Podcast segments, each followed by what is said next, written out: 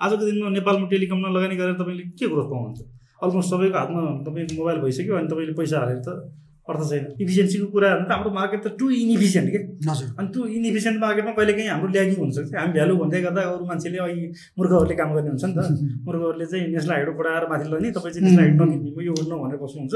मूर्खले पैसा कमाएर अलिक गाडी चढेर गइसक्छ। अनि तपाईँलाई अरू मान्छेले ए स्टक भन्छ उसले कमाइसक्यो भन्ने स्थिति आउन सक्छ। भ्यालु डिटरमाइन गर्नको लागि जसले चाहिँ मैले एक लाख रुपियाँ लगानी गरिरहेको छु। है। एक लाख रुपियाँ लगानी गरेर कुनै पसल किन्न गइरहेको छु कुनै सेयर किन्न गइरहेको छु म पहिला के हेर्छु भने मेरो रिक्वायर रेट अफ रिटर्न आज तपाईँ स्ट्यान्डर्ड चार्टरको सेयरको सात सय रुपियाँ भ्यालु छ। त्यही कमर्सियल ब्याङ्क हो त्यसको सिभिल ब्याङ्कको सेयरको एक सय पचास रुपियाँ भ्यालु हजुर। So value it's different things क्या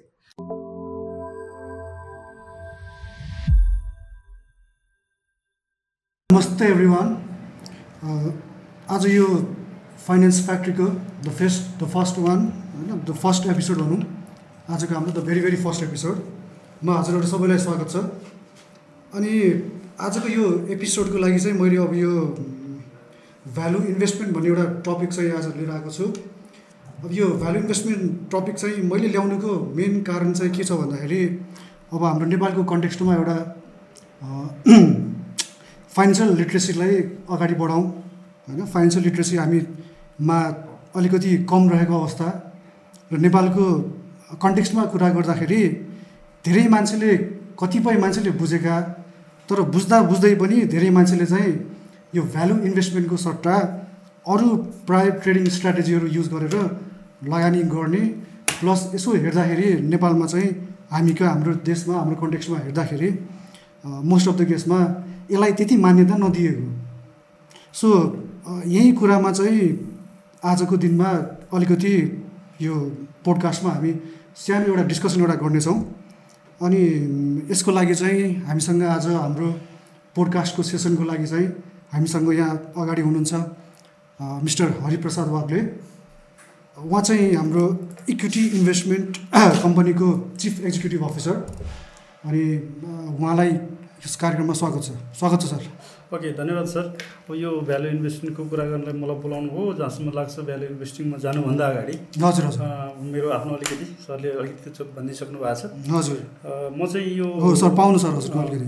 म चाहिँ यो स्टक मार्केटमा नेपालमा कस्तो हुन्छ भनेर आफूलाई पहिल्यैदेखि क्युरियोसिटी लाग्ने होइन? हजुर। अनि त्यसमा पनि अलिकति अरूले भन्दा फरक ढङ्गले गर्न पऱ्यो भन्ने.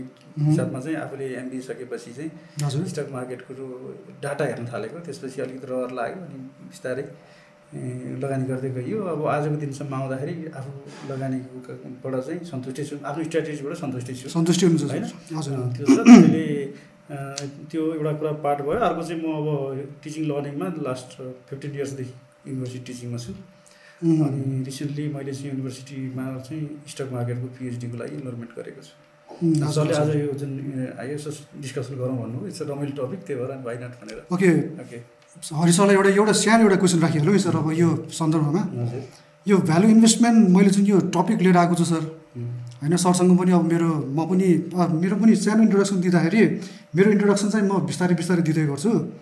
अब मेरो पनि इन्ट्रोडक्सन दिँदाखेरि म पनि टिचिङ पेसामै आबद्ध छु। अब हरि सर र हाम्रो भेटघाट चाहिँ यस इन्स्टिच्युट अफ म्यानेजमेन्ट होइन फ्याकल्टी रूपमा भइराख्ने सर र मेरो त्यहाँनिर डिस्कसनहरू भइराख्ने।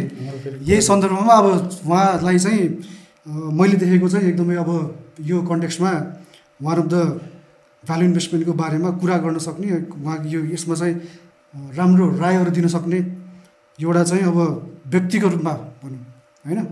सो मैले चाहिँ अब उहाँलाई स्वागत गरेँ। सर यो के छ सर यो भ्यालु इन्भेस्टमेन्टको कुरा गर्दाखेरि? सरसँग एउटा कुरा गरिहालौँ। टपिक मैले जुन भ्यालु इन्भेस्टमेन्ट चुज गरेर मैले हजुरसँग यो डिस्कसन गर्न खोजेँ सर आज। यो हजुरको राय के छ सर यसमा? यो साँच्चीकै यो यो भ्यालु इन्भेस्टमेन्ट चाहिँ हजुरको विचारमा चाहिँ नेपालमा चाहिँ के भन्छ उनै के भन्छ इम्पोर्टेन्सै नदिएको टपिक परेर यो? त्यस्तो छ यो भ्यालु इन्भेस्टमेन्ट भन्ने? त्यसो होइन। यो भ्यालु इन्भेस्टमेन्ट चाहिँ मेजोरिटी इन्भेस्टरले चाहिँ वास्तवमा यसलाई नेग्लेक्ट गरेको छ खालि हामी प्राइसको पछाडि दौडिरहेको छौँ। मार्केट प्राइस यति भयो यति भयो भनेर प्राइसको पछि दौडिरहेको छौँ। सो जसले भ्यालु इन्भेस्टमेन्ट गरेको छ त्यसले आफ्नो चाहिँ लङ टर्ममा मार्केट भ्यालु बढाएको छ। सो यो कुरालाई चाहिँ हामीले चाहिँ नेग्लेक्ट गरेर हामी के गरेका छौँ? मेजोरिटी अरूको पछि जुन चाहिँ हाम्रो नेपालीहरूको चलनै हो होइन एउटाले चाहिँ स्टार्टअप बिजनेस गरे सबैले स्टार्टअप गर्ने एउटाले चाहिँ सफा टेम्पो किने अर्कोले सफा टेम्पो किने स्टकमा पनि त्यही हो। यो यो यो हर्ट मेन्टालिटी भनौँ भने exactly exactly exactly okay so यसमा छ नि सर यो भ्यालु इन्भेस्टमेन्टमा मलाई एउटा सानो एउटा तिन लाइन चार लाइनको एउटा सानो तरिकाले मलाई कसरी एउटा यो भ्यालु इन्भेस्टमेन्ट भनेको खास हो के सर? एक्ज्याक्टली यो चाहिँ तपाईँको अब लेम्यान म लेम्यानले बुझी गरेर भन्छु सरले त बुझिहाल्नु हजुर हजुर। सो लेम्यानले बुझी गरेर भन्नुपर्दा के हो भने भ्यालु इन्भेस्टमेन्ट भनेको तपाईँले आफ्नो मार्केट भ्यालु मार्केट प्राइससित तपाईँले मतलब राख्ने होइन। तपाईँको पोर्टफोलियोको भ्यालुसित वेल्थ म्याक्सिमाइजेसन प्रोसेसमा तपाईँले मतलब राख्ने तपाईँले आजभन्दा दस वर्ष अगाडि गरेको लगानीले तपाईँलाई दस वर्ष पछाडि कहाँ पुर्याउँछ भन्नेमा तपाईँले कन्सर्न राख्ने हो न कि दस वर्षपछि यसको प्राइस कहाँ पुग्छ भन्नेमा कन्सर्न राख्ने होइन ओके होइन? त्यसैले यो चाहिँ एउटा तपाईँले के हेर्नु पऱ्यो भने तपाईँले मेरो सम्पत्तिको मूल्य कति बढ्छ? त्यो कुरामा चाहिँ अलिकति चासो राख्नुपर्छ जस्तो लाग्छ मलाई। अनि त्यो प्राइस मार्केट प्राइस कति भयो आज भोलि दिनदिनै तपाईँले त्यतातिर पछि राख्ने होइन लाग्नु परेन सर। त्यसो भने हामी यसमा कुरा गर्दाखेरि प्राइसको पछाडि भन्दा पनि यो चाहिँ यो value addition value addition value क्रिएसनतिर लाग्नु भ्यालु क्रिएसनतिर लाग्नु पऱ्यो ओके अनि यसमा सर यो यो जुन प्राइसको कुरा गर्छौँ अथवा प्राइसलाई युज गरेर जुन यो ट्रेडिङ गर्ने जति पनि हाम्रा लगानीकर्ताहरू छन् अहिलेको मार्केट कन्टेक्समा पनि यसो हेर्ने हो भने मैले एउटा एज अ जेनरल देखाएँ सर। होइन? मैले के देखिरहेको छु भन्दाखेरि यो भ्यालुमा फोकस भन्दा पनि प्राइस हेर्ने प्राइसको पछाडि दौडिने यो बढ्ला कि यो घट्ला कि यसमा सरको राय के छ सर? यसमा यो किन यो हाम्रो नेपाली यो मार्केटको मेन्टालिटी हो कि? यो इन्टरनेसनल स्टक मार्केटमा पनि यस्तै हुने गर्छ सर? यो यो चाहिँ तपाईँको मेजिटिभ इन्भेस्टरको ग्रुप चाहिँ इन्टरनेसनल मार्केटमा यस्तै हो हेर्नुहोस् होइन बढेपछि हिजो मात्रै म अमेरिकामा स्टक मार्केट हेर्दै थिएँ। त्यहाँ चाहिँ तपाईँको त्यो बोइङको एउटा पोजिटिभ न्युज आएको थियो होइन? त्यसको चाहिँ लगभग उन्नाइस डलरले स्टक बढ्दाखेरि बढ्दा पनि बाई त्यति नै आएको थियो। त्यसैले प्राइस हेर्ने इन्भेस्टर त वर्ल्ड वाइडै जहाँ पनि हुन्छन्। भ्यालु हेर्ने investor very few. They are very successful. हजुर। होइन तिनीहरू लङ टर्ममा चाहिँ तिनीहरूले पैसा बनाउँछ।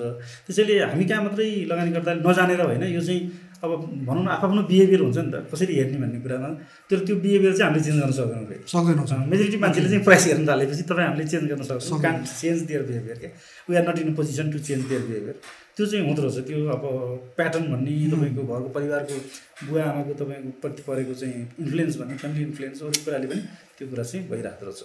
हामी कहाँ मात्रै होइन त्यो। ओके भनेपछि मैले हरि हरि सरको अब यो जति पनि मलाई अहिलेसम्म इन्फर्मेसन दिनुभयो यसको आधारमा मैले एउटा सानो कन्क्लुजन निकाल्दाखेरि यो भ्यालु इन्भेस्टमेन्ट भनेको हाम्रो विचारमा हजुरको विचारमा होइन मेरो विचारमा हामी जति पनि अब भ्यालु इन्भेस्टर छौँ जसले चाहिँ हामी प्राइसलाई फलो गर्दैनौँ तर यो भ्यालुलाई फलो गरेर अगाडि बढ्ने इन्भेस्टरको हिसाबमा चाहिँ मैले कन्क्लुजन सरको यो हिसाबबाट के निकालेँ भन्दाखेरि भ्यालु भनेको चाहिँ एउटा पर्टिकुलर इन्डिभिजुअलको आधारमा चाहिँ डिटर्माइन हुने कुरो होइन? प्राइस भनेको एउटा पर्टिकुलर इन्डिभिजुअल होइन कि यो टोटलमा चाहिँ हाम्रो स्टक मार्केट भनौँ अथवा एउटा कुनै पनि गुड्स मार्केट नै भनौँ होइन?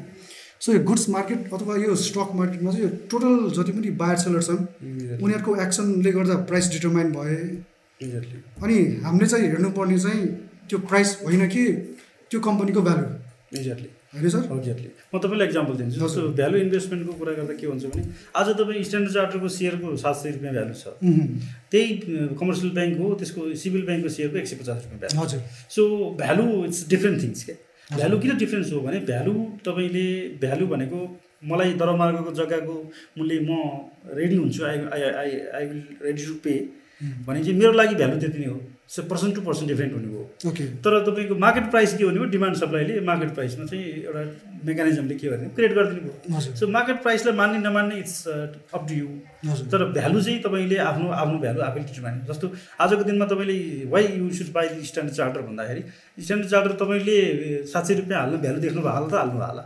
हजुर एक भ्यालु भ्यालु पर्सपेक्टिभबाट हेर्ने हो भने। अदरवाइज मार्केट प्राइस चाहिँ किन घट्यो भनेर बढ्यो भनेर तपाईँ हेर्न थाल्नुहुन्छ भने त्यो चाहिँ डिमान्ड एन्ड सप्लाई कुनै इन्भेस्टमेन्ट कम्पनीले बेचिरहेको होला कुनै म्युचुअल फन्डले ठुलो सप्लाई ल्यायो होला कतै युएस चाइनाको टेन्सन भएर अन्तर्राष्ट्रिय मार्केट मुद्रा बजारमा चेन्ज आयो होला. त्यो चाहिँ प्राइस डिस्कभरी प्रोसेस भयो so price discovery process and तपाईँको value value is itself is a different dimension हो भन्नु पऱ्यो हामीले ओके सो सर मैले यो कन्क्लुजनमा लाँदाखेरि मैले एउटा कन्क्लुजन अब के निकालेँ सर भन्दाखेरि यो भ्यालु चाहिँ इन्डिभिजुअल प्रति व्यक्ति फरक हुने भयो।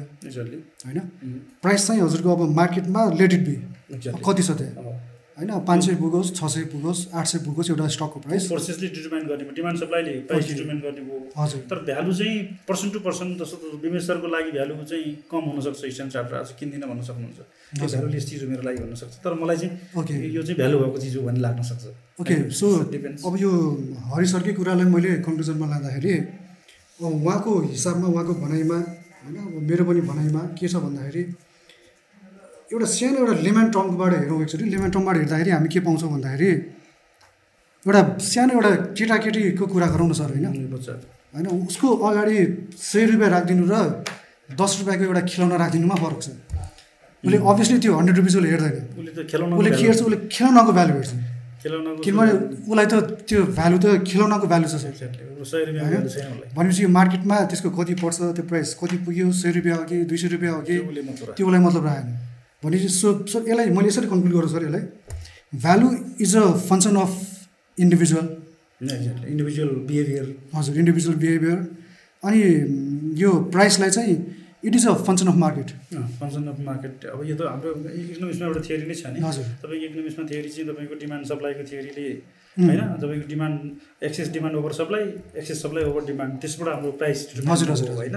प्राइस चाहिँ। अब यो भ्यालुको कुरा गर्दा चाहिँ भ्यालु भनेको इट्स अ तपाईँको फङ्सन्स अफ इन्डिभिजुअल बिहेभियर मैले चाहिँ मैले त्यो एसेटप्रति त्यो सेयरप्रति त्यो भ्यालु त्यो चाहिँ फिजिकल एसेटप्रति जुन मेरो एट्याचमेन्ट हुन्छ जुन त्यसलाई म पे गर्न तयार हुन्छ त्यो चाहिँ भ्यालु भयो। सो यो भ्यालु त तपाईँको मैले तपाईँले डिटर्माइन गरिदिएर हुँदैन नि मलाई त। हजुर होइन? मेरो लागि त्यो चिजको ठुलो भ्यालु हुनसक्छ। तर तपाईँको लागि नहुनसक्छ। हजुर हजुर। मैले अघि त्यही डिटर्माइन गरिसकेँ। तपाईँ तपाईँ अझै पनि म स्ट्यान्ड चार्टर किन्दिनँ भन्न सक्नुहुन्छ because you have you you seem that it has no value no value तर म के भन्छु नि यो भ्यालुएबल स्टक हो you should buy the stock भन्न सक्छु त्यो मेरो लागि भ्यालु छ। सो भ्यालु भने फरक कुरा भयो। प्राइस चाहिँ so price keeps on changing because तपाईँको डिमान्ड सप्लाई चेन्ज भइरहन्छ त्यसलाई हामीले मान्नुपर्छ बिकज यो मार्केट मेकानिजमको वान अफ द ब्युटी नै हो होइन त्यसैले यो कुरा चाहिँ क्लियर हो। त्यो त्यो चाहिँ तपाईँले अलिकति जुन समअप गर्नुभएको छ यो I agree with you okay अनि सर अब यसमा यसलाई अलिकति जोड्दाखेरि यो भ्यालु भन्ने कुरा चाहिँ अलिकति इन्भेस्टमेन्ट पार्टतिर धकेलिने होइन? अनि हजुरको यो अर्को चाहिँ यो प्राइस भनेको चाहिँ ट्रेडिङ ट्रेडिङ पार्टतिर यो यो करेक्ट कुरा हो सर यो फिनोमिना एक्ज्याक्टली हो। भ्यालु क्रिएट गर्ने भनेको भ्यालु आजको दिनमा आजको भोलि हुँदैन। अहिले एउटा भनाइ छ नि रुम पनि तपाईँको कति वर्ष लागेर हजुर। भनेको भनेर। हजुर। त्यसैले हामीलाई जब भ्यालु चाहिन्छ राम्रो भ्यालु बनाउन खोज्छौँ भने चाहिँ we have to wait sufficiently and we have to hold the stock sufficient exactly होइन सर यो ओहो यो value is created it is not created out of any air exactly यो त Time- तपाईँले time लाग्छ, भ्यालु like- create हजुर। Time time it should invested you you should invest significant times Mm. Wait गर्नु पऱ्यो पेसेन्स हुनु पऱ्यो हुनु तपाईँ। एक्ज्याक्टली अनि त्यो बेला तपाईँले भ्यालु कम्पेयर गर्नु भने चाहिँ ट्रेडिङ गर्नेले भन्दा भ्यालु भ्यालु इन्भेस्टरले बढी कमाउँछ कमाउँछ ट्रेडिङ गरेको दिनदिनै सत्तरी लाखको किन्यो असी लाखको। पचास लाख किन्यो ट्रेड ट्रेडको भोलुम चाहिँ उसको हाई हुन्छ तर तपाईँले के गर्नुहुन्छ? पाँच वर्ष अगाडि अघि मैले तपाईँलाई एउटा स्टोरी सुनाइरहेको थिएँ एउटा चाहिँ नेपाल इन्भेस्टमेन्ट एउटा के अरे नेपाल लाइफ इन्सुरेन्स कम्पनीको आइपिओको कुरा आइपिओ पन्ध्र हजारमा हाल्नुभएको अन्ठाउन्न सालमा। Now it is going to be of almost twenty years भयो होइन? ट्वेन्टी इयर्स आसपास हुँदाखेरि उहाँको आजकै दिनको मूल्यलाई पनि अब त्यो प्राइस आजको मार्केट प्राइसलाई कम्पेयर गर्दाखेरि तिस बत्तिस लाख रुपियाँको भ्यालु भयो। ओके भनेपछि उहाँले ट्वेन्टी इयर्स अगाडि सर्टेन थाउजन्ड सर्टेन। थाउजन्ड्समा। लगानी गर्नुभयो। अहिले लाखौँमा भयो। होइन यो चाहिँ यो चाहिँ एक्ज्याक्टली त भ्यालु क्रिएसन भयो नि. त। जस्तो त्यही मान्छेले आइपिओ परेर एक सय चारमा किन्यो फेरि एक सय दसमा बेच्यो। दुई सय पुग्यो दुई सयमा बेच्यो। दुई सय। चालिसमा किन्यो तिन सय पुग्यो तिन सयमा बेच्यो। गर्दै आउँदा त आजसम्म उजामा त नथिङ अलिकति। क्यापिटल गेन बनायो तर भ्यालु त खै छैन, छैन। पैसा हो। अन्त्य गयो नि। हजुर हजुर। यो ट्रेडिङ पार्टले चाहिँ तपाईँले अलिकति यो राम्रो कुरा गर्नुभयो। जुन यो ट्रेडर्सहरू छ नि प्राइसित खेल्ने मान्छेहरूले के गरिदिन्छ भने गलत स्टकमा प्राइस लाउने चान्सेस आइ हुन्छ। किन तपाईँले राम्रो स्टक छोडेर भ्यालु स्टक छोडेर होइन भ्यालु भ्यालु स्टक छोडेर तपाईँ चाहिँ अलिकति रिस्की स्टकमा जाने चान्सेस आइ हुन्छ। बिकज त्यो चलिरहेको हुन्छ। तपाईँलाई के चाहिएको छ? पैसा बढाउनु परेको छ। यो चल्दो रहेछ भने त्यो लाग्ने बित्तिकै तपाईँको पोर्टफोलियो चाहिँ खतम हुनसक्छ। ओके यो चाहिँ याद गर्नुपर्ने कुरा त्यसलाई हामीले चाहिँ अब यो फाइनेन्सियल टर्ममा यसो मेन्सन गर्दाखेरि चाहिँ हामीले यसो हेर्दाखेरि यो स्वापिङ अफ पोर्टफोलियो जुन भन्छ नि सर त्यही. त्यही कुरा त्यही त्यही कुरा हो त गलत सपिङ हुनसक्छ किन तपाईँले चाहिँ रङ ठाउँमै इन्जेक्ट गर्न सक्नुहुन्छ भने। हजुर हजुर। तपाईँसँग पैसा हुन्छ। हजुर पैसा हिजोको पैसा भएपछि यो बढिरहेको छ यो किनौँ न भनेर कुनै स्टक चाहिँ पम्पिङ गरेर स्टकमा. गर्नुभयो भने तपाईँ डाउन ओके सर अनि यो यो जुन हामी यो भ्यालुको कुरा गरिरहेको छौँ सर अब यो भ्यालु डिटर्मिनेसनको जुन कुरा आउँछ नि सर. होइन प्राइस त मार्केटले डिटर्माइन गरिदियो. अब भ्यालु भनेपछि हजुरको लागि अर्कै मेरो लागि अर्कै। सो कसरी त्यो कसरी गर्ने सर भ्यालु डिटरमाइन उम्, राम्रो क्वेसन भन्नु तपाईँले डिस्कसन मलाई कसरी थाहा हुन्छ यो यो भ्यालु चाहिँ यति नै हो भनेर सर। डिस्कसन विषय हुनसक्छ यो चाहिँ कस्तो भने मैले मेरो भ्यालु डिटरमाइन गर्नको लागि जसले चाहिँ मैले एक लाख रुपियाँ लगानी गरिरहेको छु। है एक लाख रुपियाँ लगानी गरेर कुनै पसल किन्न गइरहेको छु कुनै सेयर किन्न गइरहेको छु म पहिला के हेर्छु भने मेरो require rate of return let चाहिँ मलाई टेन पर्सेन्ट चाहिने हो कि? हजुर हजुर। टुवेल्भ पर्सेन्ट चाहिने हो कि? फिफ्टिन पर्सेन्ट चाहिने हो कि? ट्वेन्टी पर्सेन्ट चाहिने हो। यदि मेरो रिक्वायर रेट अफ रिटर्न चाहिँ मलाई यो कुनै पर्टिकुलर स्टकले कुनै पर्टिकुलर प्रोजेक्टले दिन्छ भने इट्स ओके यो भ्यालु क्रिएटिङ हो। त्योभन्दा मलाई बढी दिइरहेको छ भने चाहिँ भ्यालु क्रिएटिङ हो। हजुर हजुर। अदरवाइज मलाई त्यो त्यो रेट मेरो सिग्निफिकेन्ट रेट पनि तपाईँको लिइरहेको छैन दिइरहेको छैन त्यो प्रोजेक्टले त्यो फाइनेन्सिङ इन्स्ट्रुमेन्टले त्यो एसेटले भने मेरो लागि भ्यालुबल भएन सो भ्यालु चाहिँ म त्यसरी डिटर्माइन गर्ने भन्छु। तपाईँले भ्यालु डिटर्माइन गर्दा चाहिँ त्यो दुइटा कुरा याद गर्नुपर्छ। ओके सर अब यसलाई मैले अलिकति यो छोटकरीमा बुझाउँदाखेरि मैले यो के बुझेँ सरले भन्नु भन्दाखेरि जस्तै मैले आजको दिनमा मैले अहिले यहाँबाट बाहिर निस्केर कतै गएर मलाई कुनै मोमो पसल अलिकति एट्र्याक्टिभ देखियो होइन? अब त्यसलाई मलाई त्यो किन्न मन लाग्यो भने अभियसली मैले गएर फर्स्टमा चाहिँ त्यो मोमो पसल कहाँ गएर मैले के सोध्छु भन्दाखेरि तपाईँको कमाइ कति भयो? एक्ज्याक्टली त्यही होइन सर। एक्ज्याक्टली क्यास फ्लो कति आयो त? एक्ज्याक्टली होइन महिनामा तपाईँ कति कमाउनुहुन्छ? हजुर। पहिला त्यो सोच्छौँ हामी फाइनेन्स हजुर। बोल्दा होइन. तपाईँ क्यास फ्लो कति हुन्छ? हेर्छौँ। ओके। तपाईँ दस हजार कमाउनुहुन्छ। उसले मोमो भनेपछि यो दस हजार सरले भन्नुभएको चाहिँ उसको कस्टहरू सबै घटाएर उसको वर्षमा कति बाँकी भयो? एक्ज्याक्टली सबै रिसिटहरू सबै ट्याक्स उसले कति कमायो? त्यसमा? उसले कति खर्च गर्यो? बचेको। त्यसमा बच्यो कति दस हजार. वर्षको? दस हजार। वर्षको। वर्षको दस? हजार छ है? हजुर। भने मलाई कति भयो भने एक लाख रुपियाँ मैले पसललाई किन्न खोजेँ भने। होइन सर यसरी बुझौँ यसलाई कसरी गरौँ सर भन्दाखेरि मैले सरले सरलाई काटेँ। ठिक छ। ठिक छ। यो उतापट्टि जुन बेच्ने मान्छे हुन्छ उसँग प्राइस अफर गर्दाखेरि उसले मलाई कति राख्यो? एक लाख राख्यो भन्नुभयो सरले. सरले एक लाख भन्नुभयो नि त भनेपछि सरले जुन अलि भर्खर यहाँ रिक्वायर्ड रेट अफ रिटर्न कुरा राख्नुभएको थियो अलिकति यो टेक्निकल टर्म भएको हुनाले यसलाई यसलाई निकाल्दाखेरि चाहिँ हाम्रो यो यो ten thousand divided by one lakh गरेर so ten percent per year रिटर्नको कुरा गरेको हजुर टेन थाउजन्ड मैले कस्ट वान लाख हाल्नुपर्छ टेन पर्सेन्ट आयो होइन? हजुर। हजुर टेन पर्सेन्ट। यो टेन पर्सेन्ट रिटर्न कुरा गऱ्यो सर होइन? ओ अब यदि यसमा अलिकति तपाईँलाई मैले रोकेँ हजुर। मेरो रिक्वायर रेट अफ रिटर्न नै टेन पर्सेन्ट हो भने त भाइ यु सुड बाई दि पसल नि त मैले किन्न पऱ्यो नि त। हजुर। किन मलाई टेन पर्सेन्ट भएर पुग्छ भने। पुग्छ। अब मलाई टेनबाट फिफ्टिन ट्वेन्टी नै मेरो रिक्वायर रेट अफ रिटर्न हो बिकज मेरो कस्टिङ बढी छ। मेरो सोर्सेस फन्डको चाहिँ कस्ट बढी छ भने। सरको लागि त्यो भ्यालुएबल भएन मलाई त्यो काम लागेन। ओके। अब तपाईँको चाहिँ कस्टिङ कम छ भने टेन पर्सेन्ट काम लाग्यो। तपाईँको कस्टिङ अझै तपाईँको बढी छ भने टुवेल्भ पर्सेन्टको रिक्वायर रेट हो सो डिपेन्ड्स अन मेरो रिक्वायर रेट अफ रिटर्नले चाहिँ त्यो प्रोजेक्ट मेरो लागि भ्यालुएबल हुने कि नहुने भन्ने कुरा. डिटर्मिन गरेँ नि त एक्ज्याक्टली. ओके हरि सरकोमा म यो एउटा एउटा दुइटा कुरा चाहिँ थप्न खोजेँ मैले यसमा। मैले के थप्न खोजेँ भन्दाखेरि एउटा चाहिँ हाम्रो अपर्च्युनिटी कस्ट एक्ज्याक्टली होइन? अर्को चाहिँ हाम्रो cost of capital sources of fund हजुर। सो मैले सोर्स अफ फन्ड नै मेरो कति छ त भन्दाखेरि मैले पैसा कसैबाट मागेर ल्याउँदैछु र ट्वेन्टी पर्सेन्टमै ल्या ल्याउँदैछु भने अब त्यो 20% त्यसलाई टेन पर्सेन्टमा लगानी गरेर त कामै भएन एक्ज्याक्टली किन भन्दाखेरि टेन थाउजन्ड रुपिस मैले वर्षमा कमाइरहेको छु एक लाख रुपियाँ हालिरहेको छु टेन थाउजन्ड कमाइरहेको छु बिस हजार तिरिरहेको छु भने टेन थाउजन्ड त डेफिसिट भयो। एक्ज्याक्टली त्यसले तपाईँको भ्यालु त के भयो? हरेक वर्ष टेन थाउजन्डले घटाउँछ घट्दै जाने भयो सर। होइन तपाईँले दस वर्ष पसल गर्नु त जिरो हो भ्यालु त। हजुर हजुर। होइन? एक्ज्याक्टली दस वर्षपछि त म त तपाईँको भ्यालुलेस भयो क्या अब त्यो यो- मिनिङलेस भयो तपाईँको बिजनेस होइन ओके अनि अर्को भनेको मेरो अपर्च्युनिटी कस्ट जसमा चाहिँ यदि मैले चाहिँ पैसा कतैबाट नल्याइकन आफ्नै पैसा इक्विटी लगानी गर्न खोजिरहेको छु भने त्यसको सट्टा चाहिँ मैले अरू ठाउँमा कति पाउँछु त? एक्ज्याक्टली त्यही पैसा तपाईँले। पसल नकिनेर अगाडि लगेर चाहिँ नबिल राख्नुहुन्छ। रहेर फिक्स डिपोजिटै राखिदिनु राख्नुहुन्छ, अथवा कुनै सहकारीमा लगेर राख्न सक्नुहुन्छ। डिपेन्ड अब त्यसको रिस्क फ्याक्टर त होला. तर तपाईँले अब कहाँ राखेर चाहिँ त्यो पैसालाई योभन्दा बढी बनाउन सक्नुहुन्छ भन्ने कुराले नै अर्थ राख्छ। त्यसलाई हामी फाइनेन्सको टर्ममा अपर्च्युनिटी कस्ट भन्छौँ होइन। त्यो टेक्निकल. टर्म हो। तर त्यो चाहिँ तपाईँले त्यो पैसालाई यहाँ नगएर अर्को ठाउँ गर्दा why why should I invest in पसल भन्ने क्वेसन चाहिँ आउँछ। ओके सो सर अब भनेपछि हामीले भ्यालु डिटर्मिनेसन गर्दाखेरि सबभन्दा फर्स्ट कुरो भनेको चाहिँ अब हाम्रो अडियन्सलाई भन्नुपर्दाखेरि फर्स्ट कुरा भनेको required rate of return exact तपाईँले कति पर्सेन्ट रिटर्न चाहिने हो हजुर। तपाईँ क्लियर हुनु पर्थ्यो कुरा।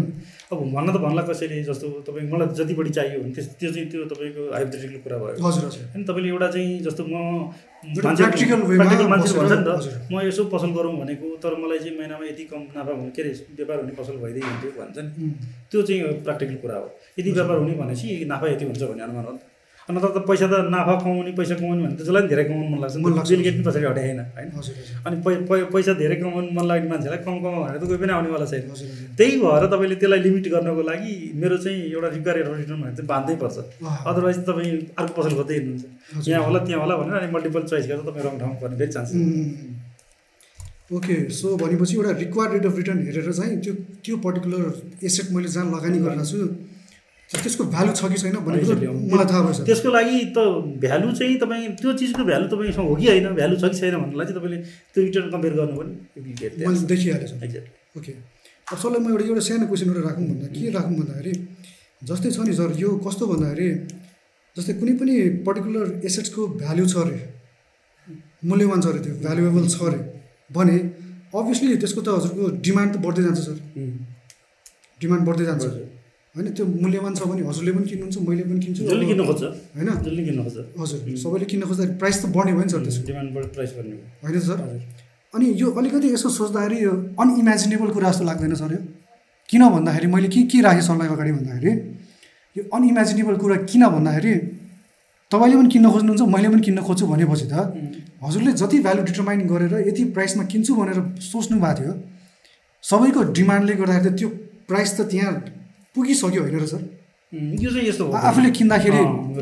यो सरको क्वेसन मैले अँ, सकियो सुरु गरौँ। हजुर स्योर स्योर सर होइन यसो हो। यसमा चाहिँ कस्तो हो भने तपाईँको मैले अहिले तपाईँलाई अलिकति अलिकति क्लिक गरेर चाहिँ छोडिदिएँ होइन। खासै कस्तो हो भने मेरो लागि भ्यालुएबल भयो चिज ओके अरू मान्छेलाई पनि भ्यालुएबल पत्ता लाग्छ हजुर। अरू पनि आउला किन्न। तर यस्तो पनि हुन्छ फेरि बजारमा। बजारमा सबै बाएर चाहिँ रेसनल पनि होइन फेरि। होइन भ्यालु पुगिसकेको छ भने तपाईँ छोडिदिनुहोस्।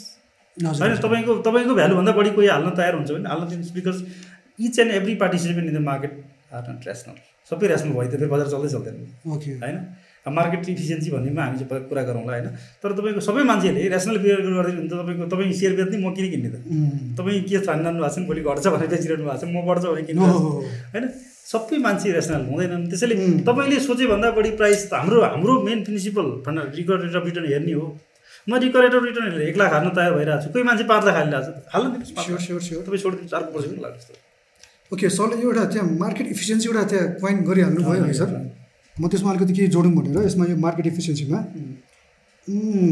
अब मैले बुझेअनुसार सर आजसम्म मैले अब म पनि एउटा अब फाइनेन्सको क्लास दिने मान्छे नै परेँ है सर अब पेसाले।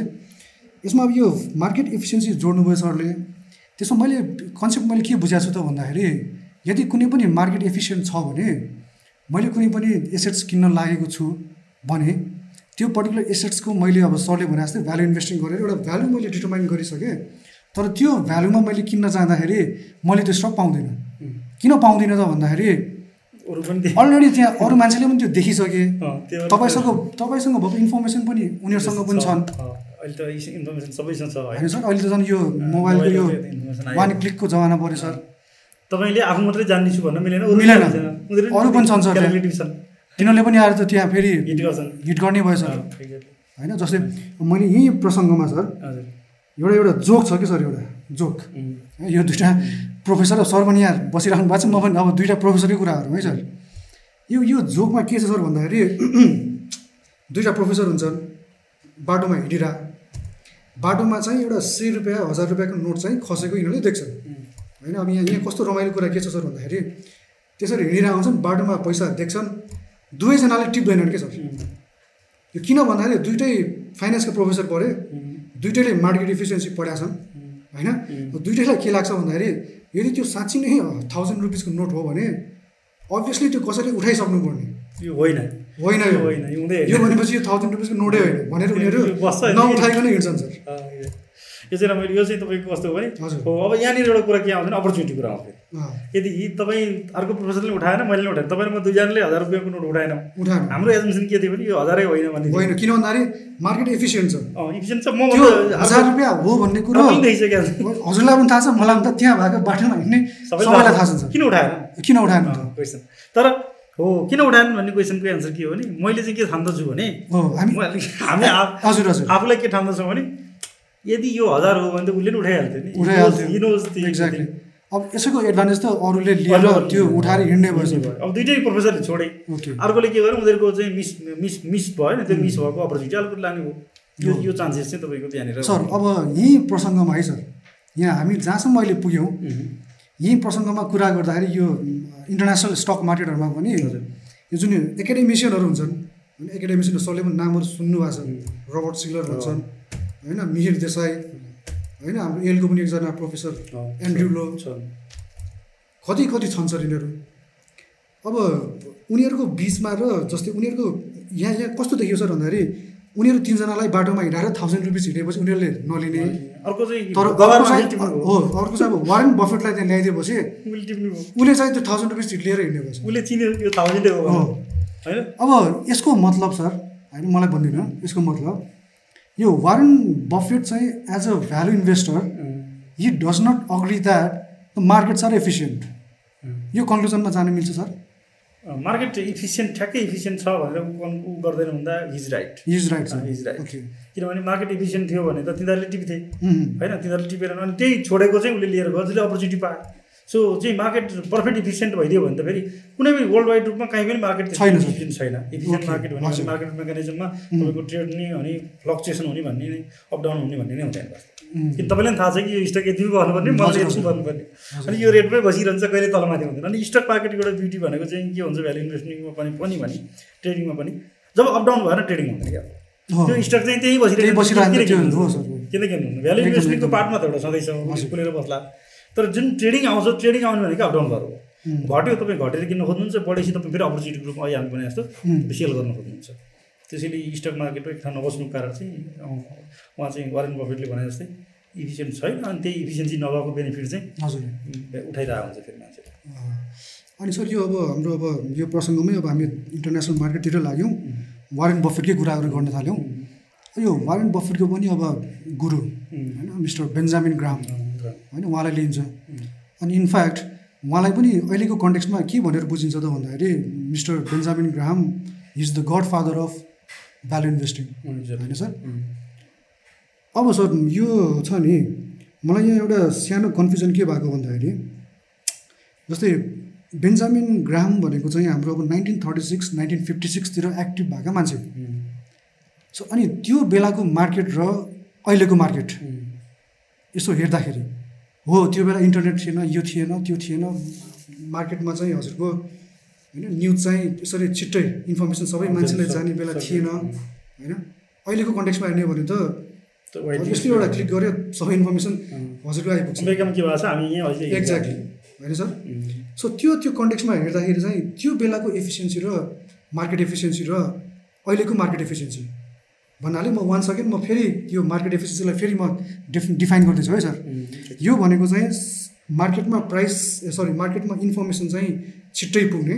पुग्ने सबैलाई सबैसँग अभाइलेबल हुने अनि त्यो अभाइलेबिलिटीको आधारमा सबै मान्छेले चाहिँ एसोसिएसन गरोस् एक्ज्याक्टली अब सर मलाई एउटा कुरा भनिदिनुहोस्। यो त्यो जमानाको मार्केट र अहिलेको मार्केटमा चाहिँ त्यो एफिसियन्सी इनकेस यसो कम्पेयर गर्ने हो भने सर फेरि समथिङ आउट अफ द रेकर्डै जस्तो कुरा भयो सर। मैले हजुरसँग पहिला पनि डिस्कस नगरेको कुरा तर एउटा राखिहालेँ है सर हजुरले। के छ सर यसमा? केही कमेन्ट हजुरको? यस्तो हो त्यो विचार? होइन बेन्ज बेन्जामिन ग्रान भनेको चाहिँ पाइनर हुनुहुने होइन। उम्, उनले चाहिँ त्यो बेला चाहिँ चाहिँ जुन यो भ्यालु इन्भेस्टिङ ल्यायो त्यो बेला त फन्ड म्यानेजरहरूले त अहिले म सोध्छु त्यो बेलाको फन्ड म्यानेजरहरूले हावामा काम गरिरहेको छन् कि लाग्छ हजुर। मलाई होइन? त्यसैले अब यस्तो हो त्यतिखेर चाहिँ अब मार्केट इफिसियन्सीका नि डिफ्रेन्ट तपाईँको डाइमेन्सन हुन्छ स्टेप हुन्छ होइन? त्यो स्टेपहरूमा चाहिँ हामी कहीँ कतै अगाडि स्टेपमा थियौँ होला अलिकति अहिले अहिले चाहिँ अलिकति अलिक करेक्ट भयौँ कि होइन? त्यो चाहिँ पक्कै होला। Because of wide circulation of information and readily available in on click in each and every participant होइन विदाउट डिले सबैले एकैचोटि पाइरहेको छ अहिले। त्यतिखेर पाउँदैन थियो कसैले सर्कुलेट गर्न टाइम लाग्थ्यो भने त्यो इन्फर्मेसन कन्टेन्ट भन्छ। नि हामी। इन्फर्मेसन कन्टेन्टको सिग्नलिङ त्यहाँ हुन्थ्यो होला। होइन? सिग्नलिङ भनेको चाहिँ तपाईँको इन्फर्मेसनको कारणले प्राइस तलमाथि हुने अथवा इन्फर्मेसनको प्राइ कारणले प्राइस चाहिँ यो हुनेलाई हामी फाइनेन्समा सिग्नलिङ भन्छौँ। पोजिटिभ। नेगेटिभ सिग्नलिङ भन्छौँ. होइन? अझ त हाम्रो कहाँनिर केही बजारहरू चाहिँ तलमाथि हुनलाई केही न केही सूचनाले काम गरिरहेको हुन्छ। जबकि त्यो सूचना may or may not correct सूचना आइदिए पुग्यो। ल अब ओली बाले छोड्दैछन् रे भनेपछि बजार झुङ्गे बढ्यो कारण किन बढ्यो सूचना आयो नि त ओली बाले छोड्दैछन् रे। अब भोलि छोडेन भने त फेरि के हुन्छ त? नछोड्ने भयो भने आएर फेरि तपाईँको घट्छ। त्यसैले यो चाहिँ अलिकति एक लेभल अगाडि आएको चाहिँ हो कि जस्तो लाग्छ। तर ठ्याक्कै त्यस्तो त्यो जुन थटकै फरक चाहिँ हो कि जस्तो हो जस्तो मलाई लाग्दैन। अहिले सूचना आउँदैमा तपाईँ मान्छे त्यति छिटै रिएक्सनल भइहाल्ने पनि हो जस्तो लाग्दैन। ओके। सो सर सरको मैले यो कुरालाई अलिकति कन्क्लुड गर्दाखेरि सो थट प्रोसेसमा चाहिँ सिमिलर बसेर जुन न्युजको जुन फ्लो छ हजुर। त्यसको स्पिड चाहिँ बढी भएको। एक्ज्याक्टली अथवा टाइम ट्राभल चाहिँ अलिक छिटो भएको छिटो ट्राभल थर्ड प्रोसेस चाहिँ त्यही छ थर्ड प्रोसेस चाहिँ त्यही हो। तर तपाईँको न्युज छिटो भइदिनाले तपाईँ एकदम दिमागलाई दिल भ्रमण गरिदिनु भयो नि वाइट पार्टिसिपेन्टको दिमाग चाहिँ एकैछिनमा ल बर्बाद भयो अब। चाइना र के अरे अमेरिकाको त युद्ध हुँदैछ अरे भनेपछि सेयर चाहिँ सबै डम्प गर्ने। अनि जब हाम्रो फेरि कस्तो छ भने एसियाको मार्केट दिउँसो खोल्छ। अमेरिकाको मार्केट हाम्रो यहाँ एसिया राति हुँदा खोल्छ अनि उनीहरूले एसिया। एसियाको इमर्जिङ मार्केट भनेको इन्डियन मार्केटहरू पहिल्यै हेरिसकेको हुन्छ। आज। बिएस बिएससी यति घट्यो भनेपछि। अनि त्यही कुरा चाहिँ फेरि उता रिफ्लेक्ट भइहाल्छ कि अनि त्यो चाहिँ के हुँदा चाहिँ तपाईँको फियर के? एक हिसाबको फियर के हुन्छ नि अमेरिकन लगानीकर्ताहरूले यस्तो गर्यो। इ- इन्डिया पनि बेचे त्यही लगानीकर्ताहरूले अब यहाँको इन्डियाको राति चाहिँ उहाँ दिउँसोमा पनि बेच्छन् बिकज उनीहरूको थट त सेट भइसक्यो नि त। अब युद्ध हुन्छ पैसा निकाल्नुपर्छ सुनतिर लानुपर्छ अथवा कतै लाने हो होइन? त्यो चाहिँ हामी बच्नुपर्छ भन्ने थट।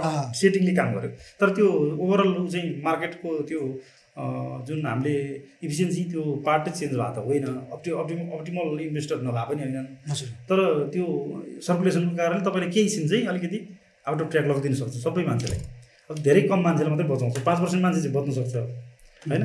नत्र भए चाहिँ हामी कहाँ यस्तो हलाएर चाहिँ लो लो लो युनिलिभरले सबै प्लान्ट उद्घाइसक्यो अरे अब लान्छ नि भनेपछि सुइङ प्राइस झर्छ। तपाईँले के सोच्नु पऱ्यो भने युनिलिभर भने के त्यो राति राति प्लान्ट बोकेर जान मिल्ने चिज छ र। हजुर हजुर। छैन नि। तर तपाईँलाई कसैले के भन्दैछ भने लगिसक्यो। उहाँ हेटोडामा दर्ता गरिसक्यो बन्द गर्ने भनेर श्रम कार्यालयमा। अब हुँदैन भने लानु तपाईँले यसो हो क्या हो? हेटोडामा दर्ता गऱ्यो भने त लान्छ अब बेच्छ सेयर भनेर। तपाईँ घटेको मूल्यमा बेच्नु तयार हुनु बनाइदिनु सक्छ। हजुर हजुर। त्यो चाहिँ तपाईँलाई पनि मिसलिड गर्न सक्छ। इभन तपाईँ जति नै पढाए मान्छे हुनुहोस् तपाईँ बुझी ज्ञानी मान्छे भयो भने चारजना उनीहरू भाटा त्यस्तो मान्छे भाटा बस्नु भने तपाईँको दिमागले के गर्छ? नि हो त हेटोडामा दर्तै गरिसक्यो अब यो ग्रुप थिङ्किङ भन्ने यो हजुर हजुर यो चाहिँ तपाईँको साइकोलोजीलाई अलिकति त्यो कुरा हो। हजुर हजुर। सो सो मैले यो कन्क्लुजनमा के ल्याएँ भन्दाखेरि बेन्जामिन ग्रामको थट प्रोसेस चाहिँ स्टिल पनि रिलेभेन्ट छ। अझै रिलेभेन्ट छ। उसको त्यो त्यही थट प्रोसेसमा वर्ल्ड वाइड रूपमा थुप्रै पिएचडीहरू भएको छन् रिसर्च भएको छन् होइन? तपाईँको एक्सन रिसर्चहरू भएको छ।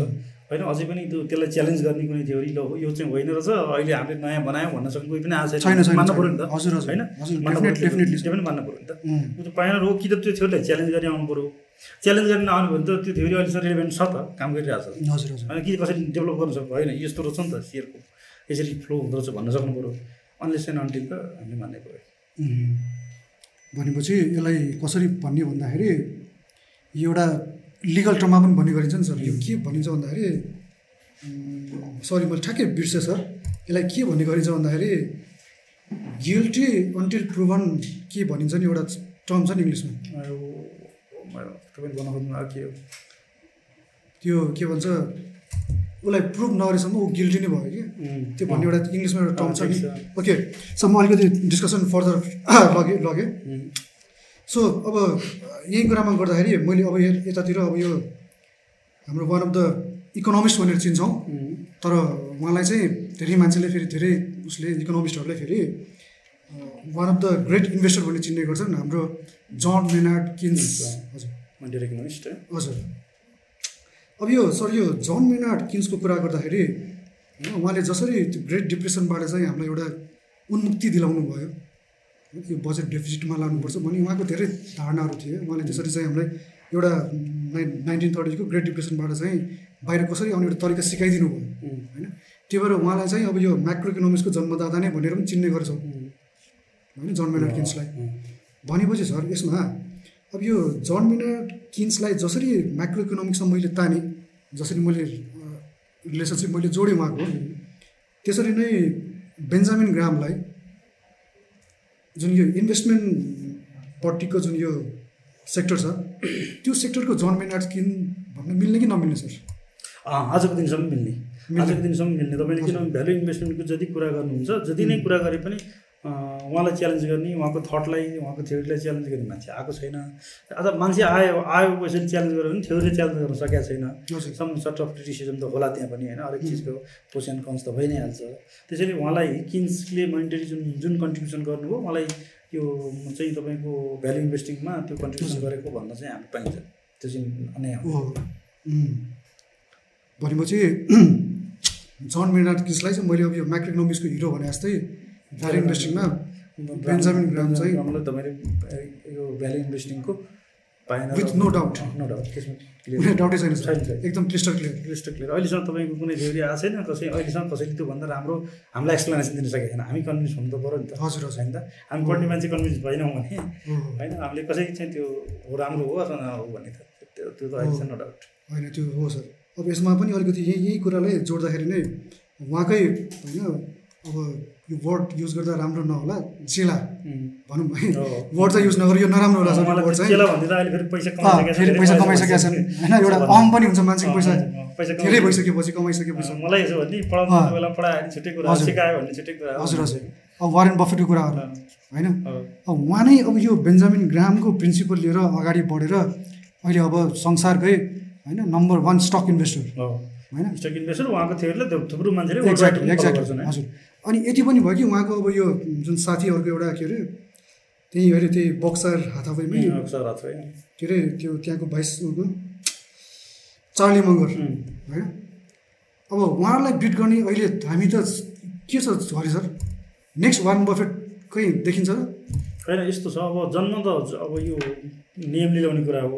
वरेन बफेट नरहेपछि वाट वाट नेक्स्ट भन्ने क्वेसन त आइ नै हाल्छ। अर्को आउला जन्मेर स मैले काटेँ। किन भन्दाखेरि मैले पनि यो वारेन बफेट वारेन बफेट यो धेरै भयो कि सर। मलाई पनि वारेन बफेट सुन्दा सुन्दा। अब यो अरू कोही आउँदै नआउला कि जस्तो अब यो तर मलाई त्यस्तो लाग्दैन सर। वारेन बफेट पछि अर्को भ्यालु इन्भेस्टिङलाई फलो गर्ने मान्छे थुप्रै छन्। अहिले चाहिँ के भयो भने जो ऊ त पुरानो भइसक्यो नि त। गर्दै गर्दै आउँदाखेरि उसले सम्पत्ति पनि बनायो। सम्पत्ति बनाएपछि ऊ चाहिँ हामी जस्तो आजको दिनमा नेपालमा पनि सक्सेसफुल भनेर भन्नुलाई त स्टक मार्केटमा पैसा नकमाउनु भने तपाईँ कसरी सक्सेसफुल भन्ने क्वेसन आउन सक्छ। Exactly value investing value investing भन्छ खै त्यसले के कमायो त भन्ने हो भने त पैसा नकमायो त सक्सेसफुल भएन। अनि ऊ दुइटै कुरामा भयो। उसले त्यो थ्योरीलाई अक्षरशः पालना पनि गर्यो उम्, र पैसा पनि कमायो। त्यसरी वर्ल्ड वाइड रूपमा तपाईँले भने जस्तै अहिले सबैले बफेट बफेट बफेट। होइन? तर तर टाइम विल कम होइन डे विल कम एन्ड त्यो तपाईँको अनि त्यो बेलासम्म त त्योभन्दा राम्रो अर्को मान्छे जन्मिन सक्छ। आउँछ त्यो डेफिनेटली आउँछ नि आउँछ आउँछ। होइन अहिले अब यसरी हेर्ने हो भने मार्केटमा पनि इन्डियामा पनि भयो। एउटा के प्रणव राई कि मैले नाम ठ्याक्कै मलाई याद भएन सर। अहिले त्यो भयो। इन्डिया जस्तो ब्राजिल जस्तो यो इमर्जिङ इकोनोमीहरूमा त मान्छे जन्मिहाल्छन्। बिकज त्यहाँ चाहिँ तपाईँको लाखौँ लाख ग्रेजुएटहरू चाहिँ स्टक मार्केटमा अथवा इन्भेस्ट इन्भेस्टमेन्ट साइकोलोजीमा जान्छन् र तिनीहरूले आफ्नो एउटा थ्योरी लिएर जान्छन्। अहिलेको मान्छेले त पहिला त बाले सेयर किने यो हाले गरेन गर्दैन, गरेन होइन। हो। म त्यसरी म एउटा टोटली नयाँ ढङ्ग- नयाँ ढङ्गबाट गर्छ त्यो. हेर्छ कि किन किन्ने why should buy NIC Asia at six hundred होइन? त्यो भावनाले यो चाहिँ अब अलिकति बढ्छ र नयाँ मान्छे। निस्किन्छ नियम डेफिनेटली निस्किन्छ। सरको विचारमा है? 100% एकदम कन्फिडेन्ट हुनुहुन्छ सर। तपाईँ हाम्रो उमेर पनि हेर्नु पाइन्छ अर्को नयाँ मान्छे आए ए ओके सो हाम्रो जेनेरेसनले देख्न पाउने कुरा। मजाले मजाले। ओके ओके सर अब यसमा म अलिकति यो सर अब यो पोडकास्टको चाहिँ अब अलिकति अन्तिम अन्तिमतिर आइपुगेँ। हजुर। होइन अब समयको अब यो लिमिटेसनले गर्दाखेरि यो भ्यालु इन्भेस्टमेन्टकै कुरा गर्दाखेरि सर यसो अहिले पनि कन् करेन्ट मार्केट मार्केटमा हेर्ने हो भने जसले चाहिँ भ्यालुलाई बेस मानेर लगानी गरिरहेछन् होइन? उनीहरूको एटलिस्ट मैले के देखाएको छु सर भन्दाखेरि इनफ्याक्ट अब मेरो पनि कुरा गर्नुहुन्छ भने यो बेन्जामिन ग्रामको धेरै कुरा गऱ्यौँ सर हामीले। मैले उहाँको चाहिँ यो इन्टेलिजेन्ट इन्भेस्टर र अर्को सेक्युरिटी एनालाइसिस। यो दुइटा बुक मैले दुईचोटि पढेँ सर। होइन? छ महिनाको अन्तरालमा मैले दुईचोटि पढ्न भ्याएँ सर। अनि त्यो बुकले चाहिँ मेरो पनि धेरै कुराहरू धेरै मेरो भनौँ न थट प्रोसेसहरू मेरो धेरै चेन्ज गरेँ सर। मैले पनि त्यो बुक पढिसकेपछि अनि म पनि कता कता पहिला पहिला अब यो सर जतिको मेरो एक्सपिरियन्स चाहिँ मेरो छैन। सरसँग भर्खरै मेरो पर्सनल कुराहरू गर्दाखेरि टु थाउजन्ड नाइनमा त सरले यसमा त पढाउनु थालिसक्नु भएको रहेछ। टु थाउजन्ड नाइनमा त बल्ल म ब्याचलर ग्रेजुएट सर यस कलेजको होइन? सो अब मैले चाहिँ के पाएँ सर भन्दाखेरि अब त्यो बेलामा चाहिँ म पनि यो खुब यो प्राइस मात्र हेर्ने यसो भयो नि त मार्केट आज यसो भयो आज हिजो चालिस पर्सेन्टले घट्यो आज सत्तरी पर्सेन्टले बढ्यो। ओहो आज पैसा हालिहालौँ त्यसरी हिँड्थ्यो क्या सर। तर मैले पनि के के गर्नु म सफल भयो भन्दाखेरि यही यो बेन्जामिन ग्रामको यही थट प्रोसेसहरू यही त्यो बुक त्यो दुइटा बुक चाहिँ दुईचोटि पढेर जुन मैले त्यो तरिकाले लगानी गर्न थालेँ सर अहिले। होइन अब होला मेरो त्यहाँ कतिपय छुटफुटका कुरा छन्। त्यो त पनि भ्यालु ठ्याक्कै नै मैले त्यो डेबिट गर्न नसकुला फेरि यसो हुन्छ भ्यालु भ्यालु। इन्भेस्टिङ भन्दा पनि कस्तो हुन्छ भने हाम्रो मार्केट त टु इनिफिसियन्ट नि त। हजुर इफिसियन्सीको कुरा त हाम्रो मार्केट त टु इनिफिसियन्ट के? हजुर अनि त्यो इनिफिसियन्ट मार्केटमा कहिले काहीँ हाम्रो ल्यागिङ हुनसक्छ हामी भ्यालु भन्दै गर्दा अरू मान्छेले अहिले मूर्खहरूले काम गर्ने हुन्छ नि त। मूर्खहरूले चाहिँ नेसलाई हाइडो पढाएर माथि लग्ने तपाईँ चाहिँ नेसलाई हाइड नकिन्ने म यो गर्नु भनेर बस्नुहुन्छ मूर्खले पैसा कमाएर अघि गाडी चढेर गइसक्छ अनि तपाईँलाई अरू मान्छेले स्टक भन्छ उसले कमाइसक्यो भन्ने स्थिति आउन सक्छ। हजुर Because हजुर हजुर हाम्रो मार्केट टु इनि इनिफिसियन्ट छ नि त इफिसियन्सीको लेभलमै छैन यो कुराले हो ओके सो त्यही सर मैले अघि यो मेरो कुरा राख्दै थिएँ कसो भन्दाखेरि मैले पनि अनि यो बेन्जामिन ग्राम उहाँको चाहिँ अलिकति यो भ्यालु इन्भेस्टमेन्टको चाहिँ कुराहरू पढिसकेपछि जुन तरिकाले मैले लगानी गर्न थालेँ सर होइन त्यो लगानी गर्न थालेँ म मलाई के रियलाइज भयो भन्दाखेरि ओहो एटलिस्ट मैले पहिले यो। सफिसियन्ट पहिल्यै गरे भए पनि त्यो एउटा त्यो आफूमा त्यो त छँदैछ सर त्यो पश्चाताप त्यो छँदैछ। त्योभन्दा पनि सर मैले मैले चाहिँ के पाएँ सर भन्दाखेरि त्यो जुन आफूले लगानी गरेको जुन प्रिन्सिपल छ त्यो नडुब्ने। Number one. नम्बर वान त म लसमै गइनँ सर।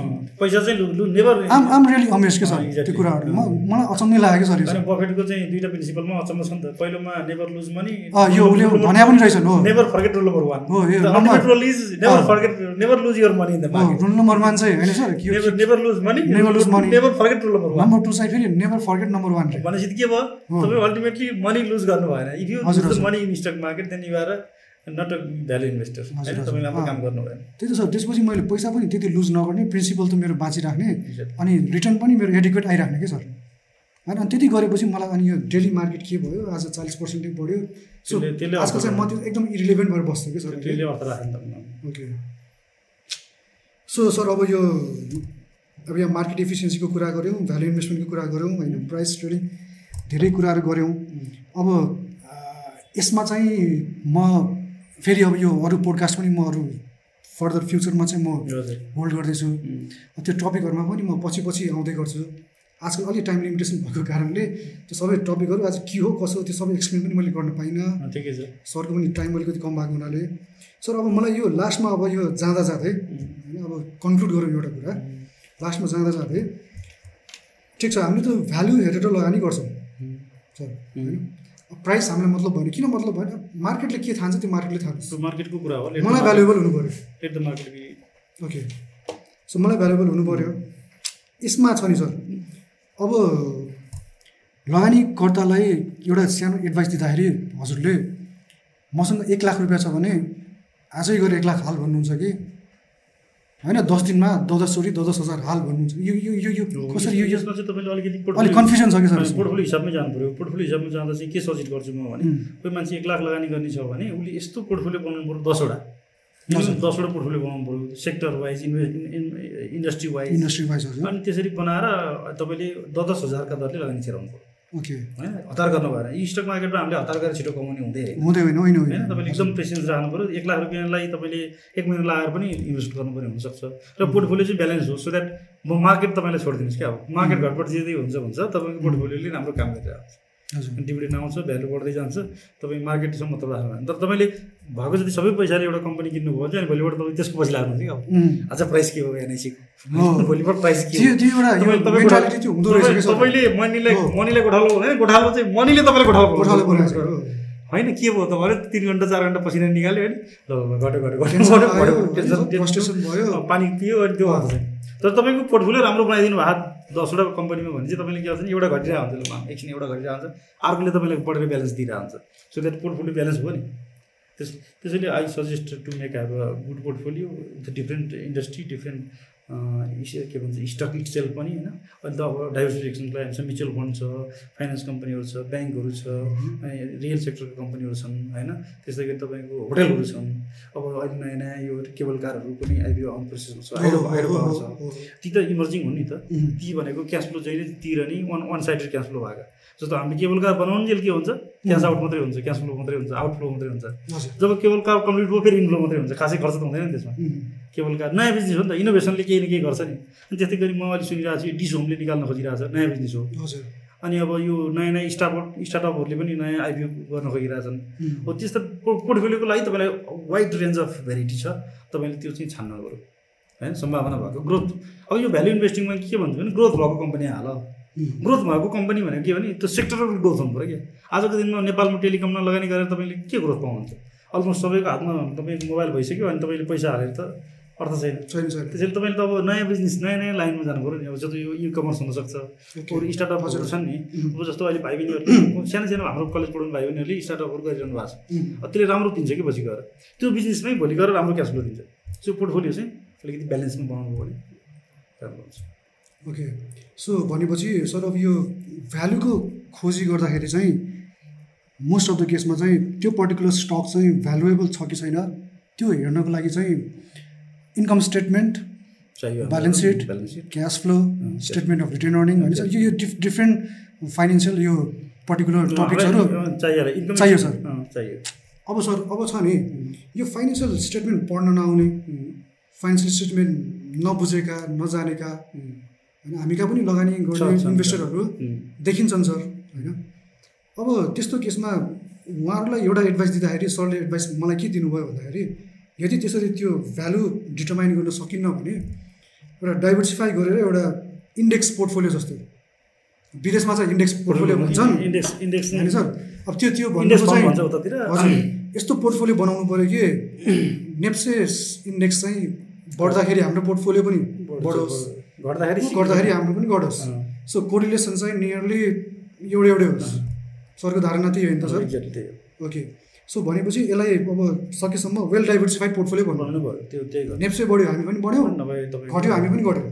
किनभने ओभरअलमा five years ten years down the line कुरा गर्ने हो भने नेप्से भनेको जान्छ। तपाईँको डिभिडेन्ड बेसले पनि तपाईँको आजको सय रुपियाँ कम्पनी त पाँच वर्षमा त तपाईँको डबल त भयो हजुर एक्ज्याक्टली जति होल्ड गरेर बस्यो डिभिडेन्ड पनि आइरहेको छ। हजुर हजुर सो भनेपछि त्यो प्राइस हेरेर छ बाई गर्ने गर्ने त्यो भनेपछि एउटा कमिला गरेर झुमिया जस्तो त्यस- त्यसरी नझुम्नु।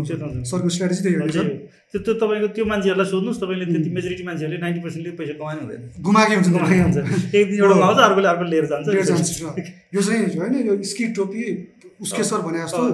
कहिले- बाँदरको कथा थियो तपाईँले त थाहा होला अलिक लामो हुन्छ नलाउनु है? हजुर बाँदरको कथा चाहिँ एउटा बाँदरको गाउँ भने जस्तै कथा हो कि। ओके। सो त्यो एउटा गर्नु पऱ्यो डाइभर्सिफाई गर्नु पऱ्यो अनि त्यसमा लगानी गर्दाखेरि चाहिँ यो पिस मिल इन्भेस्टमेन्ट स्ट्राटेजी भन्छ पिस मिल त्यो मिललाई एकैचोटि नखाइकन टाइम टाइममा चारपटक पाँचपटक खाने।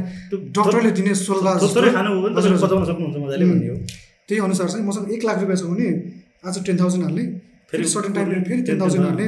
त्यसरी अगाडि बढ्नु पऱ्यो त्यो गर्दाखेरि तपाईँको पोर्टफोलियो राम्रो अनि पोर्टफोलियो डाइभर्सिफाई गर्नु पऱ्यो at the end of the day होइन sir? Okay. So Hari sir अब पोडकास्टमा आइदिनु भयो थ्याङ्क यू भेरी मच अब योभन्दा अब बढी डिस्कसन गर्न मसँग अलिकति समयले पनि मलाई दिएन सर। सरसँग पनि समयको अभाव। सो हरि सर प्रोग्राममा आइदिनु भयो त्यसको लागि समय दिनुभयो। एकदमै बिजी स्केड्युलबाट सरलाई दुई दिन तिन दिन लाग्यो होइन? फोन पनि गर्दा गर्दै धेरै बिजी भयो आज भोलि गर्दा गर्दै। ओके। सो अब आजको पोडकास्टको एउटा सानो कन्क्लुजन सारांश भनौँ कन्क्लुजन भनौँ। यो भ्यालु इन्भेस्टमेन्टको वरिपरि रहेर हामीले डिस्कसन गऱ्यौँ। अनि यो भ्यालु इन्भेस्टमेन्टको वरिपरि रहेर डिस्कसन गर्दाखेरि भ्यालु इन्भेस्टमेन्ट भनेको के हो? त्यसपछि प्राइस भनेको के हो? होइन त सर? प्राइस डिस्कभरी ओके अनि यो प्राइस चाहिँ मार्केटलाई नै छोडेर हामी प्राइसको पछाडि नलागेर हामी चाहिँ एउटा स्टकको भ्यालुको पछाडि लाग्ने अब त्यो भ्यालुको पछाडि लाग्नुको लागि के गर्ने त भन्दाखेरि please analyse balance sheet income statement होइन क्यास फ्लोज यो कुराहरू एनालाइसिस गरेर एउटा आफूलाई आफ्नो पर्सेप्सनबाट आफ्नो पर्सपेक्टिभबाट चाहिँ आफूलाई ठिक लाग्ने एउटा भ्यालु जसले चाहिँ certain required rate of return दिन सकोस्। होइन त्यो पर्टिकुलर स्टकमा चाहिँ लगानी गर्ने प्राइसको वरिपरि नघुम्ने नम्बर टू नम्बर थ्री अब यो मार्केट एफिसियन्सीको बारेमा म फेरि अब नेक्स्ट पोडकास्टहरूमा म फेरि आउने नै गर्छु। अहिलेलाई चाहिँ अब यो टाइमको लिमिटेसनले गर्दाखेरि पनि यसको बारेमा मैले धेरै कुरा गर्न सकिनँ। सो मार्केट एफिसियन्सी चाहिँ पछि पनि कुरा गर्छौँ तर अहिलेलाई हामीले कन्क्लुजन के निकाल्यौँ भन्दाखेरि we are not so efficient as we think भनेपछि कता कता वारेन बफेटको जुन एउटा ग्रोथको कुरा देखिन्छ उहाँको अगाडि लगेर मार्केट एफिसियन्ट छ भनेपछि उहाँले चाहिँ हामीलाई चाहिँ पिट्ने जस- जस्तो रिस्क चाहिँ उहाँलाई उठ्न सक्ने। होइन? सो त्यो कारणले चाहिँ मार्केट चाहिँ एफिसियन्ट छैन नै भन्ने हामीले एउटा कन्क्लुजन निकालेको छ। ओके सो अनि last but not the least त्यो कुरा गर्दाखेरि यो कुनै पनि पोर्टफोलियो कुनै पनि सरी स्टकमा लगानी गर्दाखेरि यही पर्टिकुलर स्टकमा मात्र लगानी गर्ने यो मात्र लगानी गर्ने त्यसको लागि चाहिँ अलिकति टेक्निकल नो हाउ अलिकति एकदमै धेरै चाहिने ब्यालेन्स सिट एनालाइसिस गर्न सक्नुपर्ने भयो इन्कम स्टेटमेन्ट एनालाइसिस गर्न सक्नुपर्ने भयो। So that is the reason why त्यो गर्न नसकिने खण्डमा चाहिँ एउटा डाइभर्सिफाइड पोर्टफोलियो बनाएर होइन सर? डाइभर्सिफाइड एउटा पोर्टफोलियो बनाऊ डाइभर्सिफाइड पोर्टफोलियो बनाएर त्यो पर्टिकुलर केसमा त्यो डाइभर्सिफाइड पोर्टफोलियोले चाहिँ नेप्से इन्डेक्स ट्रेस गर्नु पऱ्यो भन्नाले नेप्से जहाँ जान्छ हाम्रो पोर्टफोलियो पनि मुभमेन्ट चाहिँ त्यही अनुसार हुन्छ। त्यही कोरिलेसन अनुसार चाहिँ चलोस्। अनि त्यसमा पनि त्यो पोर्टफोलियो बनाउँदाखेरि सबै पैसा लगेर एकैचोटि नहालिकन एउटा पिस मिल स्ट्राटेजी भन्छौँ त्यसलाई होइन? सो टेन टेन थाउजन्डको वान लाखको इन्भेस्टमेन्ट छ भने टेन थाउजन्ड आजको दिनमा ten thousand maybe three days पछि मेबी फाइभ डेज पछि फेरि त्यसरी गरेर बिस्तारै बिस्तारै एउटा डाइभर्सिफाइड पोर्टफोलियो बनाउने एउटा कन्क्लुजन हामीले निकाल्यौँ। ओके सो समय दिनुभयो हरि सर वान सेकेन्ड धन्यवाद सर। धन्यवाद थ्याङ्क यू अनि हाम्रो यहाँ पोडकास्ट हेरिराख्नुभएका सबै दर्शक अडियन्सलाई really really thank you so much for your time for your presence okay अब यसरी नै अब फाइनेन्सकै विषयमा लिएर मेरो फाइनेन्स फ्याक्ट्रीको टिमबाट हामी फेरि नयाँ टपिक कुनै अलिकति स्टक मार्केटमा रिलिभेन्ट इन्भेस्टमेन्ट मार्केटमा रिलिभेन्ट होइन अन्टरप्रेनर मार्केटमा पनि रिलिभेन्ट अलि यो डाइभर्सिफाई गर्दै हामी अगाडि बढ्छौँ। हस् धन्यवाद।